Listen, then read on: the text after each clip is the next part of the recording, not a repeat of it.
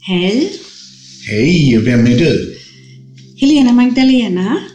Eh, Jag är författare, föreläsare, medium, astrolog, profil på tidningen Nära och poddare med dig. Och vem är du?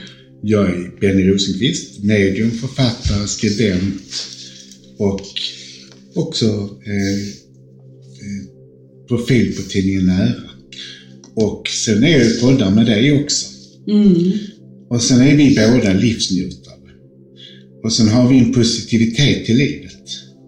Och energier är ju väldigt viktigt och gränslösa energier finns det alltid ute, eller hur? Och de möter vi överallt och jag tror oftast att det är en tanklöshet för människor att man vill ha mer eller man, när det smakar gott så vill man ha mer så att säga. Man vill ha lite mer av desserten av livet så att säga, tror jag. Mm. Och jag tänkte vi skulle prata, och du, vi har pratat om att prata om vårt yrke. Mm. Mm. Om eh, hur det fungerar att vara medial. Mm. Eller hur? Ja. Och vi skulle prata om då innan en klient kommer. Hur jobbar du? Eh, Jag jobbar ju så här att eh, klienter får boka tid med mig, då via telefon eller via personligt möte. Och det enda jag vill veta då, det är namn och telefonnummer. Det är, det, det, är det enda jag vill veta. Och sen när det är dags, då kopplar jag ju upp mig på den som jag ska prata med eller den jag ska möta då. Och så har vi vårt samtal. Och då är, då är jag i kanal och jag pratar ofta väldigt snabbt. Det kommer ofta väldigt mycket information. Mm. Och ehm, när vårt samtal sen är klart, då går jag ju ur den energin. Så då minns jag ju inte heller så mycket som vi har pratat om. Jag kan minnas liksom att jag kände vissa känslor, jag kan minnas ett tema. Men annars så suddar det ju, det suddas ju ut där och då. Hur jobbar du? Jag gör precis samma. Så jag har en telefontid som där folk kan boka tid. Och då vill jag också bara ha ett förnamn. Jag tror du också bara vill ha förnamn. Jag vill veta så lite som möjligt. Och så vill jag veta om de vill ha en sittning eller seans. Så jag jobbar också per telefon nu mer efter covid. Jag hade bara möten innan men från covid så har jag även telefonsittningar och det är jättebra på något sätt. För då kan man ta folk i hela världen och hela Sverige. Så då blir det liksom att man blir mer att många människor fler kan komma till en. Och sen förr så gjorde jag så att jag kanaliserade genom att meditera innan var klient. Men jag har fått så himla mycket att göra så jag hinner inte det. Nej. Och då fick jag bestämma mig för antingen fick jag fortsätta och så blev det extremt långa väntetider hos mig. Och jag märker att folk har mindre tid att vänta nu. För de blir så ska jag vänta så länge innan jag får komma till dig? Ja. Och alla vill komma klockan 18.00. Ja. Den är alltså alla ska komma klockan 18, 19 och 20. 21. Så då ska jag egentligen bara jobba, då ska alla komma och sitta knät på varandra. Det fungerar ju inte heller. Så vi, jag jobbar ändå från klockan 10 till sent på kvällen. Så jag är väldigt öppen för att ta emot så många som möjligt. Ja, och, precis. Men jag älskar mitt jobb och därför ställer jag upp och jag har svårt för att säga nej. Eh, Och det är jag glad för också, att jag har den här kapaciteten att jag klarar hemskt mycket. Att jag, jag är nog arbetsnarkoman. Är du det också? Ja, jag tror vi är det. Jag tror vi ligger illa till där Benny, båda två. Ja. Men vi älskar våra kunder och det är någonstans när man jobbar så mycket så behöver man också rikta energin till den klienten som kommer. Så innan du kommer precis, då kan jag börja känna alltså, någon minut innan, så börjar när den gamla har gått så känner jag att det börjar hända något med din, den nya kundens, eh, då kan jag få in en känsla. Det kan vara om det är något fysiskt och jag kan få guiden som säger, jag är här. Jag kan få en healing guide som säger att den behöver, du ska jobba lite med healing också. Och sen så kan det vara besök från andra sidan om det är seans. Då börjar det jobba med mig innan. Och sen så kanaliserar jag allt som kommer ner och då är jag, och det är olika. Jag bestämmer inte vad som ska komma utan de vet vad du behöver. Ja, precis. Så därför kan en kund få väldigt mycket när de har skrivit frågor på en lapp. Ja men du har ju svarat på allting. För de där uppe vet ju precis vad Ja. du... Och känner du ofta det också att kunderna, klienterna vet liksom, de får de svaren de vill ha. Ja, precis. För jag, jag gör också så och tonar in precis liksom när, när jag då ska ringa upp eller när personen kommer in. Och, och det går på bara några sekunder Mm. och det är väl också det att vi, vi jobbar ju så här så mycket så vi, vi är så kunniga och du som har jobbat i många, många år mer än vad jag har gjort så det blir det är som en sån här snabb energiväxling. Eh, och sen eh, så brukar jag Ibland är det så mycket information på en halvtimme så att tiden liksom, ja, jag är ledsen men nu måste vi avsluta. Men ofta så brukar jag kunna ställa i slutet då av tiden, Mm. har du några frågor, är det någonting du funderar på? Mm. Och då brukar kunden göra en avstämning, ja nej men allt det där jag har funderat på, jag har ju fått svar på det nu och, och sådär. Så att man får precis som du säger, man får det man ska få i Mm. samtalet. Och det är inte vi som avgör utan vi öppnar upp, vi kanaliserar och det som ska komma då, det är det som kommer den gången. Och sen kan ju många ibland komma, du vet de där fem minuterna man får över, så man säger, då kan du ställa någon fråga. Mm. Så säger jag, jag vill prata med mamma. Och så säger jag, men detta är inte seans, för det är en annan frekvens, det är en annan, det är en annan intoning. Och framförallt, i början kan de ju komma in själv. Mm. Då är det ofta att de står där och berättar, men jag vill inte ha fem minuter Alltså din mamma ska få mer. Alltså de ska inte få de sista fem minuterna som är stressade. Nej. Då är det, om det är något annat viktigt utav det, du vill ha mer om någonting som vi har pratat om. Mm. Som man kan ta in på de fem minuterna. Eller någonting jag har missat. Ja, precis. Eh, och också ibland så kan det vara ganska, liksom någon större fråga som kommer där i slutet. Man kanske har tre, fyra minuter kvar och så kanske det är någon som vill fråga om ett av sina barn till exempel. Eh, då ibland kan man ju tona in och så får man det, det, så är det klart. Men ibland så kan det ju vara att det är lite mer. Så jag, ibland när jag kommer ihåg så brukar jag säga i början av samtalet att om det är någonting speciellt som du känner är viktigt för dig nu, jag brukar då komma ihåg det tänker jag, eh, då, kan, då kan jag också rikta samtalet och ta lite mer runt det. Mm. Och sen vissa kunder säger ju också att jag, jag vill inte veta just om det. Jag är medveten om att min relation är som den är och jag vill inte att vi lägger så mycket fokus på den utan jag vill lägga mer fokus på, på det här eller på andra frågor som jag har liksom. Mm. Mm. Men ibland vill ju andevärlden ändå prata mycket om relationer för de, de tycker att det behöver. Mm. Och då kommer det i alla fall, för vi styr ju inte alltid om det där, så för de kan tycka mer att det behöver det. Mm. För ibland vill man inte höra saker, men de är vettiga att höra. Mm. Så vi styr ju inte samtalet och det är många tror att det är jag som får, jag får informationen jag är budbärare. Mm. Och jag är en bra kanal.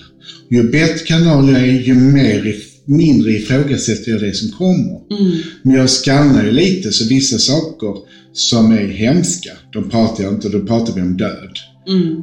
Skulle jag prata om död så är det någon som jag har känt länge som kanske har en dement mamma som har varit sjuk i 15 år. Så man frågar hur länge ska hon orka Mm. Ja, ha det precis. så jobbigt? Då är det någon, och då frågar klienten om den får lov. Och då frågar vill du ha den informationen? Mm. Så ger jag den, annars gör jag inte det. Nej. Så jag har det som princip att man måste själv vara inriktad på att vilja ha det svaret. Mm. Precis. Ja. Precis. Eh, och jag tror att jag har kanske 70-80 procent någonstans där är återkommande kunder. Mm. År efter år efter år efter år efter år. Mm. Och då blir det ju så, man känner ju till en del Mm. om de här personerna för man har träffat dem många gånger. Mm. Eh, och ehm, då får man ju också lite förhålla sig till det. Att Mm. göra varje reading till en helt ny reading, även att det är samma person som man har haft förut. Och så kommer det då de som är helt nya. Och jag, jag tycker att de som är helt nya, det är de som är lättast. Mm. Det är bara ren ny information och det går ofta väldigt snabbt i den informationen, känner jag. Och det här att inte, jag vill inte veta någonting innan. Ibland så är det kunder som säkert av all vänlighet skriver liksom information inför att jag vill att du ska veta detta. Men jag läser aldrig det, för läser jag det då får jag information direkt och då har jag ingenstans att göra av den. Och då brukar jag vara tydlig med, med mina kunder att vill du så kan du skriva ner på ett litet papper och ha Mm. med dig det när du kommer till mig. Mm. Men jag vill inte ha det innan. Och likaså när vi är färdiga med vårt samtal, när vi säger tack och hej, Eh, då förväntar jag mig inte heller någon återkoppling eller bekräftelse eller så på det vi har pratat om. För jag, jag kommer inte minnas det. Det vore ju konstigt. Och vi har ju dessutom en positiv tystnadsplikt på det sättet att vi ska inte komma ihåg det. Där finns, vi rensas också från informationen för om vi skulle bära på alla eh, de som ett minne, mm. alltså stackars vårt huvud. Alltså, vi har ju många in och ut och det är faktiskt många jobbiga känslor vi bär på som vi får till oss på en sittning. Mm. Och jag är också likadan som du, att jag vill inte ha någon information innan. För andevärlden står inte där. Jag har inte kopplat upp på din guide. Då är det jag som står med dina privata problem mm. innan. Och jag jobbar som medium och jag vill jobba mot andevärlden. Mm. Och det är de som svarar mig när du kommer. Och de är inte där innan. Nej. Och de är inte där efter. Nej, Nej. Nej precis. Nej. Ja. Precis, det är verkligen så att när vi går in, för ibland kan jag känna så här, och man kan ju bli lite full av skratt i det. Mm. För vi har hållit på i många, många år. Och ibland så kan jag känna så här på morgonen om jag ska ha många sittningar. Mm. Då kan jag känna så här, men vad är det jag ska prata om med alla dessa människor? Mm. Och sen så går jag dit och så tar jag emot, eller att jag börjar ringa upp. Och så är det liksom bla bla bla bla bla bla. Det är ju så mycket information som kommer till varje, varje person. Mm. Och den är ju inte liksom min och den är inte din heller. Nej. Utan det är ju verkligen, vi bara öppnar ett flöde och så bara det svämmar där igenom liksom.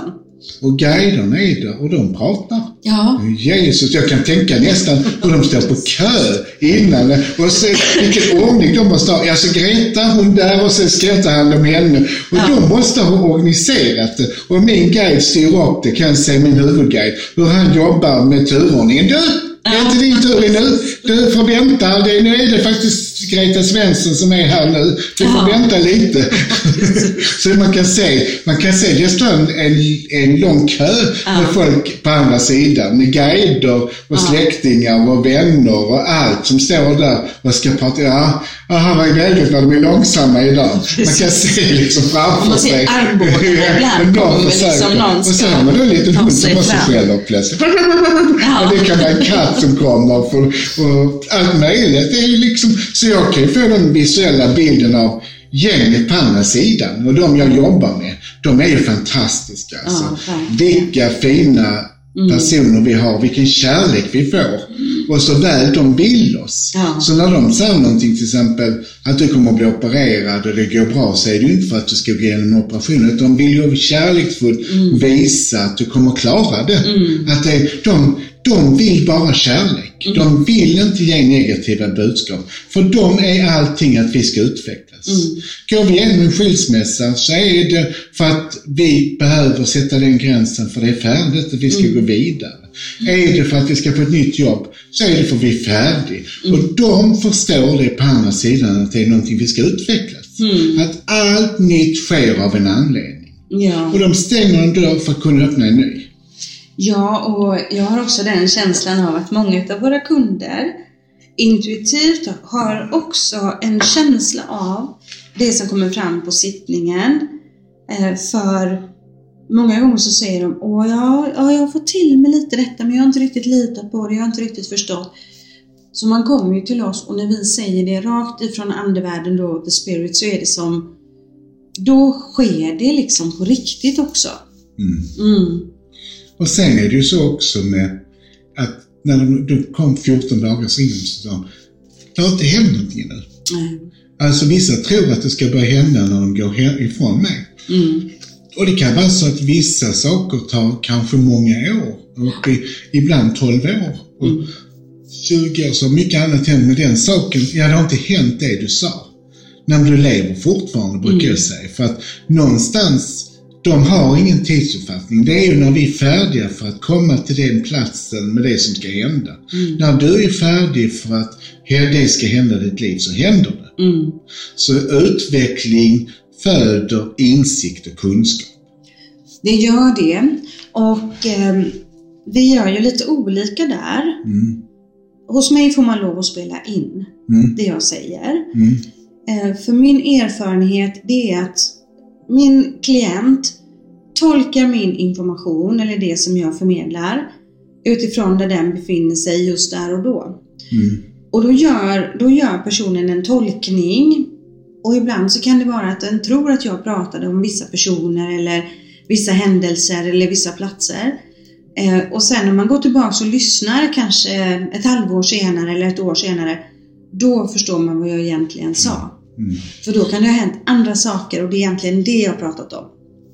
Men jag, för mig får de gärna skriva det, men jag har varit med om för mycket att det används i vårdnadstvister och det har varit att svartsjuka män som har en gång misshandlat en kvinna och en slog sönder min ytterdörr för att det kom fram ett band. Jag hade band också förr men då, jag har varit med om att det har lagts ut på sociala medier och använts mot mig och mot andra. Och att barn har lyssnat på att mamma har pratat om deras diagnoser och de blir ledsna för att de inte har fått de beskeden. Så ibland har, det är väldigt privat information vi får. Och jag vill rädda klienten från att det ska komma i fel händer. En kund hade en som, hennes mobil blev stulen och då ringde tjuven upp och valde bitar från det samtalet och ringde upp henne. Så hon blev väldigt psykad av Oj. den här personen. Så jag har ju lite erfarenhet av negativa saker. Men, men jag hade nog att jag spelade in fram till jag var 40 ungefär. Sen slutade jag. Men då var det att min dörr var på väg att bli insparkad utav en svartsjuk man. Och då tyckte jag det var så obehagligt. Jag satt i lägenheten och sa jag nej. Nej. Mm. Nej, det är ju väldigt tuffa konsekvenser. De flesta mediala vägledningar som jag har eh, spelar man inte in. Däremot alla mina astrosamtal, för jag har ju Men det är astrologisamtal. något annat ju. Och där är jag inte heller uppkopplad i kanalen. Det är en väldigt stor skillnad i de Mm. samtalen. För där är jag i mitt logiska, analytiska. Det är klart att jag är inkännande när jag tolkar ihop saker och ting. Mm. Ehm, och där är det så otroligt mycket information som är så övergripande. Mm. Så medial vägledning. Men de som kommer till mig och vill spela in. Men det hade jag nog också tyckt. För jag, men detta är något annat jag pratar om. Mm. Och ibland har jag haft vänner som har spelat in när de har seans. Så det är också någonting annat än när man har medial vägledning. För det kommer väldigt privata saker. Och det kan vara att man ska skilja sig från en man eller att man har träffat en ny man. Och Då är det ju olyckligt om mannen får höra detta innan man har berättat det så att säga. För det kan ju komma fram saker som inte är så bra. Eller att man ska byta jobb och att någon kollega råkar få tag i mobilen. För jag har ju folk som är VD och så. Och det hände mig en gång att en VD glömde och då hörde kollegan att han hade fått toppjobb. Och det spred den ut på hela jobbet. Så det var inte så bra innan han hade hunnit säga upp sig. Så det är, ju, det är ju känsliga information som vi kommer med. Och därför skyddar jag min klient. Just det. Jag kan förstå det, astrologi, men då hade jag också velat ha. För det tycker jag är väldigt spännande. För jag vet ju Maj-Britt som jag hade och hon skrev ju ner det samtidigt. Så jag har ju papper kvar från min kompis som har skickat det säger jag. För det är hon som har skickat det. För hon, Ni har bytt om varandra. Hon är göteborgska och hon är ju astrolog. Och hon var ju dessutom sångerska, för det har du också varit. Så ni är väldigt lika på många kul. sätt. Så att ni har mycket gemensamt. Så jag säger det, det är Maj-Britt som har skickat dig. Ja, såklart Ja, att det ja, är. ja. Såklart att det är. Ja, och jag fick faktiskt idag av en, av en vän, vi känner varandra lite grann. Och jag gjorde hennes horoskop när jag var 25. Alltså det är 30 år sedan. Åh, vad häftigt. Jätteroligt och då blev det så att, att vi var lite i, i olika sammanhang. Hon var en del, vi arrangerade föreläsningar, jag hade ju kurser i astrologi och så här då på den tiden. Mm. Och nu så skrev hon till mig idag. Hon kommer att känna igen sig, men jag är säker på att det går bra. Och ville boka tid för astrologi igen. Mm. Och då så skrev hon det, för det du pratade om då. Jag kunde följa det fram till 2012-2013. Sen blev det som ett brott på linjen. Så nu ska vi titta på det igen. Vad kul. Ja, och då, då tittar jag på det rent astrologiskt. Sen är det ju många som vill ha sitt horoskop och det här. Och så går de in mer på detaljerade frågor och då säger jag att men då får du komma på medial vägledning för det kan inte astrologin svara på. Astrologin visar på möjligheter. Mm. När vi jobbar medialt då kan vi ju då, liksom, då kan vi egentligen svara på, på, det, på allt egentligen. Om guiderna svarar oss. Astrologin är ju inte alls på det sättet, den är ju annorlunda. Men jag tänker också på det här att ehm, vi har ju våra klienter Och de flesta då hör av sig lite regelbundet och vill boka en ny tid och vi möts igen och igen.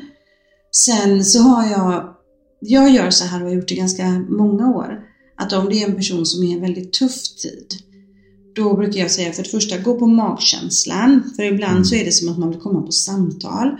Och då kallar jag det lite för intuitiv terapi. Alltså jag gör ju inte medial vägledning och ser framtiden gång på gång. Mm. Utan mer som stöttande samtal och man kan känna av lite vart efter tiden. Men det är ju lite en annan sak. Man ska ju inte gå hela tiden och eh, ja, vi säger ju inte att vi spår, men ändå det här tittar in i framtiden. Man ska ju inte, man ska inte liksom bli beroende av att hela tiden att ett medium har sagt det som ska ske. Nej. Utan saker och ting måste få ske också. Och sen, jag kan också ha sådana intuitiva samtal och man stöttar det. Men de Mm. är, kan man inte ha så många, men ibland känner man att man har det. Men då gäller det ju någonstans också att man, antingen klienten kommer på det eller att jag till slut säger att nu, nu får detta vara färdigt. Nu Mm. kan du inte komma på detta sättet. Mm. Men de är lätträknade Ja. som man har gjort det. Det är ju speciella fall när man känner att man kan stötta på det sättet. Ja, för det är som jag gör också ibland. Alltså jag har följt vissa perioder, personer och gör fortfarande. Eh, och jag har ju jobbat så även tidigare i min yrkesverksamhet. Mm. Men om man tittar rent utifrån medialt och någon har kommit liksom kanske flera gånger ganska tätt och jag känner att jag vet så mycket om den här personen nu. Då rekommenderar jag den att gå till en annan under en period. Mm. Och vi har ju de som går emellan, vi vet det ju det. vi. Det har vi. Jag skickar till dig och du Ja. skickar till mig och jag skickar till Eva Olsson. Mm. jag inte har tid också. För Mm. ibland så, och jag måste komma nu, men då kan du gå till Eva. Mm, Och, precis. nej, jag vill gå till dig, sa de. Ja, men du kan gå både och. Ja, Så kan du testa av och så kanske du får ytterligare en dimension. Ja, men det kan jag göra ju. ja, Ja, så kan de få en tid hos mig lite senare så kan de gå till dig eller till Eva också. Och sen brukar jag alltid skicka till Anna-Lena när det gäller att hitta saker. För jag vill inte hitta saker även om jag kan det. Så säger jag inte att jag kan det. Jag har slutat med det. Jag Ja. känner någonstans att jag vill inte lägga energin på det. För allt man gör går energi till. precis. Jag tänkte också sätta gränser för människor som äter på en, som ibland kanske blir förtjust i en. Har du råkat ut för stalker? Har du råkat ut för någon som förföljer dig? Nej, det, jag har faktiskt inte gjort det på det sättet. Men eh, däremot så har jag känt ibland att det kan ha varit personer som har varit sköra i en tid och så här och jag har känt att de har blivit lite för beroende Mm. Av mig som medium är det då, som medium. Ehm, men annars så är jag faktiskt förskonad på det. Men du har erfarenheter Ja. här. Jag har träffat på många som har blivit förälskade i mig. Mm. Och då, då är jag ändå noga med att förklara för dem att jag är gay. Och Mm. jag är öppet med att jag är homosexuell så jag kan inte förstå att de blir förälskade i mig. För jag skulle liksom, om någon är så öppen med det som jag är, jag säger det till dem att det är inte lönt att du blir kär i mig. Nej. För jag känner var det är på väg och de lyssnar inte för de tror någonstans att de ska övervinna mig ändå. Och sen så kan jag tänka någonstans att någon form av attraktion måste det finnas även om det skulle vara en kvinna. Mm. Så det är inte kvinnor som jag skulle vara attraherad av, så det måste vara något ömsesidigt. Mm. Men jag är alltid artig så jag försöker alltid sköta detta på ett snyggt sätt. Mm. Men jag har varit med om människor som har ringt kanske en 300 samtal på en dag. Herregud. Och de har alltså förföljt mig, de har suttit utanför min dörr och de har stångat sitt huvud blodigt i min grind för att de har fått demoner för att jag ska hjälpa dem. Och, de har, Mm. och det har varit kvinnor som har skickat trisslotter till mig. Mm. Och det som är förälskade i mig och det blir du och jag ändå till slut, det känner jag på mig. Och, Mm. och så förklarar jag igen och igen och igen. Och det är, tra- det är tragiskt när man faktiskt sätter den gränsen att jag gillar killar Mm. och jag älskar dig som människa men jag kommer aldrig älska dig som kvinna för jag har inte älskat någon innan. Nej. Så varför skulle jag göra det när jag är 60? Mm. Så det kommer inte hända. Nej. Men varför är de så fula som är stalker? Nej, nu skojar jag. Mm. Varför kan man inte få någon snygg? Och varför kan man inte få en man som har... Jag har aldrig fått en endaste kille som stalker under hela mitt liv. Tänk vad du ber om. Ja, ja. En snygg gaykille. Ja, men då hade man kanske tyckt det var spännande Ja. istället. Men för det är liksom inte det jag är intresserad av kvinnor. Så därför får jag det. Jag har inte signalerat till universum att jag vill ha. Vad ska jag lära mig av? Jo, det är att sätta gränser. Ja. Och det är att vara tydligare. Hur tydlig jag än är så kan man bli ännu tydligare. Mm. Så någonstans så lägger jag alltid lite kunskaper. Jag ska alltid lära mig alltid någonting Mm. av allt som sker. Det sker av en anledning. Och jag är en del i allt som sker för att jag vill utvecklas. Mm. Så jag har också att sätta gränser tydligare med en gång. Mm. Att man ibland är för snäll. Men någonstans tycker jag att man, det är bättre, det känns svårt ibland att inte vara snäll, att inte vara kärleksfull. Och det är jobbigt att behöva vara tuff från början. Ja, verkligen. Och eh, alltså vi, vi är ju på vårt sätt, så som vi arbetar, Mm. vi är egentligen väldigt utsatta i det. Mm. Eh, för det- jag drar mig till minnes nu att jag har haft klienter tidigare som har mått väldigt, väldigt dåligt. Så jag har kunnat få ett sms mitt i natten Mm. att jag tar livet av mig nu. Jag orkar inte längre. Mm. Och, och det händer, alltså det är ju så. I, I en total kris så kan det ju vara så att man går till ett medium då eller till en präst. Men vi, vi har ju väldigt svårt att jobba med akutverksamhet på det sättet. Mm. Och där fick jag träna ganska mycket i början på att sätta de här gränserna. För som medium så har inte vi heller det som man har till exempel inom psykiatrisk akutvård och de här olika delarna.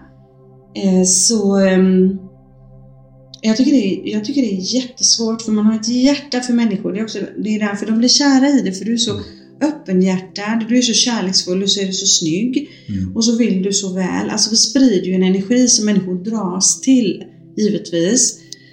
Och ibland så kan vi ju verkligen vara någons ljus i mörkret, men det Det kan vi ju bli...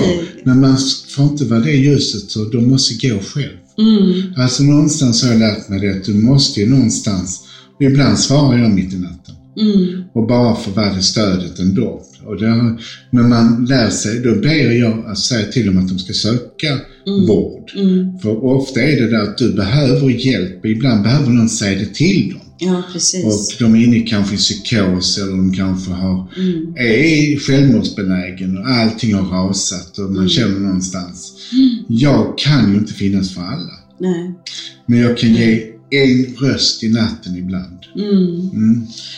Mm. Ja, Jag stöttar ju gärna ungdomar utan att ha betalt när de mår jättedåligt. Och då, jag är ju kvällsmänniska så de vet ju att jag kan vara uppe länge. mm, Och då har jag mina samtal ibland med unga människor. Och mm, då ställer man upp och pratar och jag gör mycket gratis. Det är Mm. mycket, många samtal man gör bara för att vägleda någon vidare och fått dem kanske söka professionell hjälp och må bra till slut. Mm, Och det är så fantastiskt när man träffar dem sen att de har blivit pappor och mammor Mm. och att det blir bra i slutändan. ja, det är oerhört värdefullt. Mm. Jo, men jag kan också ha så periodvis, om jag vet att jag har människor omkring mig som har det väldigt tufft, då brukar jag också vara lite mer tillgänglig. Jag svarar lite snabbare om de kontaktar mig och sådär.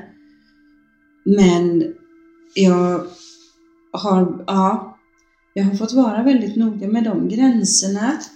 Och det är dels för att jag hade en dotter framförallt som mådde väldigt dåligt i åtta år och det var liksom så här katastrofgrejer som kunde hända dygnet runt och så. Så jag var väldigt noga då med att jag ger vägledning när jag är vägledning och sen var telefonen helt avstängd. Men nu, nu är det ju ett bättre, ett Läge. bättre läge ändå.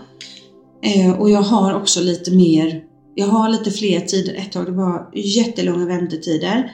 Och det, har- det har jag väldigt svårt att hantera. Hur känner du med det när det liksom växer på och kön blir längre och längre? Jag är nog eh, en person som har väldigt mycket energi. Mm, Jag klarar av det men jag har också lärt mig att lyssna, att säga nu måste jag ta hand om mig själv. mm, Jag klarar extremt mycket, jag har nog enorm energi. mm, Så att jag jag är nog omänsklig på något sätt faktiskt, men det brukar mina kompisar säga. mm, Men bara jag får ett dygn mm, som jag känner, och det känner att jag måste vara ledig. mm, Och då återhämtar jag mig. Sen har jag alltid jättenoga med, när jag är ledig på sommaren, mina sex veckor, Mm. då jobbar jag inte. Än att jag har telefontid. Och då kan jag ta lite grann, jag kort ger lite stöd till folk också när jag Mm. svarar i telefon på måndagarna. För det gör jag även om jag har semester. Det gör du. Ja, det har jag. Men jag är noga med att vara ledig. Det är Mm. jätteviktigt. Och jag försöker också faktiskt att inte jobba på nätterna, kvällarna. Utan faktiskt när jag ska återhämta mig så måste jag få lov att vara Benny också. Jag är inte bara ett verktyg för alla andra människor. Och vi måste, det är kärlek för, att kunna vara bra så måste man vara kärleksfull med sig själv också. Mm. Och jag måste leva mitt liv också för jag måste få uppleva någonting som Benny, inte som medium bara. Mm. Ja, Och det har jag börjat göra viktigt. mer. det är jätteviktigt. Det är oerhört viktigt att ta med sig det. För ibland så har jag en känsla av att ja, vi skulle kunna jobba hur mycket som helst. Mm. För ju mer vi jobbar, så känner jag, ju fler tider jag lägger upp, desto fler kommer, Mm. desto fler vill ha tider. Alltså det är som en sån synergieffekt. Och jag har haft, eh, förra året, året innan, så, så blev det så att det blev långa väntetider. Jag har ju också drivit The Lighthouse tillsammans med Jörgen då. Mm. Vilket har tagit väldigt mycket administrativt arbete. Så det kunde liksom vara fullbokat tre, fyra, nästan fem månader. Men då, då sa jag till mina guider där uppe att nu vill jag korta ner det så att nu lägger jag ut tiden nästan bara för månaden som kommer istället och sen nya. För det är också så om livet liksom snurrar till sig lite och man vill träffa ett medium då vill man ju ändå få en tid relativt snart. Och då kände jag det, hör man av sig i augusti och jag säger jag har en tid i december. Det tyckte jag var jättejobbigt. Men nu har jag fått bättre, bättre ordning på det. Mm. Mm. Men jag har ju kvällstider, de är väldigt långbokade. Annars kan man på dagtid så jobbar jag sex dagar i veckan. Mm. Så jag tar emot väldigt mycket och sen gör jag mycket på mitt företag på nätterna. i och med att Mm. Jag behöver inte sova så mycket. Nej. Tack vare att jag mediterar så mycket. Och sen lever jag inte i en relation. Nej. Så jag har ingen att ta hänsyn till. Jag tar hänsyn till mig själv. Mm. Och, eh, men det måste jag också ta hänsyn till. Mm. Och det jag njuter av väldigt mycket det är Guido, Mm. min hund. För vi går långa promenader. Och då rensar jag och så mediterar jag. Mm. Och så dricker jag vatten och så tar hand om mig. Mm. Det gör jag, det är jätteviktigt. Så jag skiljer så att jag kan rensa systemet. Mm. Men det måste finnas något mer än arbete. Mm. Och jag vill också göra andra saker än ha sittningar. För Jag Mm. vill också börja skriva böcker, vilket har blivit lite lidande för jag skulle vilja skriva böcker nu men hela tiden så Mm. sen, sen, sen Mm. ska det bli och det har inte funnits utrymme för det och nu känner jag att jag ska avsätta tid för att skriva och det kommer det att bli. Mm. För jag kommer att göra någonting som jag kommer att berätta senare i podden Mm. som är spännande. Och det har jag börjat sätta av tid för. Jättespännande. Ja, nej men det är väl så. Det är väl det som är. Jag har ju både en man och så har jag ju, känns det som en hel klan. Jag är ju lycklig för mina döttrar och barnbarn och sådär men det blir ju också ledig tid. Jag tar ju ofta ledigt då för att vara med, med dem och jag behöver ju mycket tid också för mig själv. Så det är därför jag har dragit ner lite mer på det. Sen så skriver jag ju på kvällarna då. Så nu ska jag lägga in att jag ska ha kvällstider i Göteborg då, i Haga. Eftermiddag typ 16 till 18, 19. För annars brukar jag vara trött på kvällen. Mm. Mm. Och ha en sån här dipp där. Så kan det vara. Ja men det var ju ett intressant samtal vi, vi hade. Mm. Så att vi ska, jag ska tacka dig Benny. Tack Helena Magdalena. Och tack till dig som lyssnar. Och sätt också gränser. Det är kärlek att sätta gränser för andra när man tycker någon går för långt. Det är svårt. Man växer var gång man gör det. Så ta hand om dig. Puss och kram! Puss och kram. Hejdå!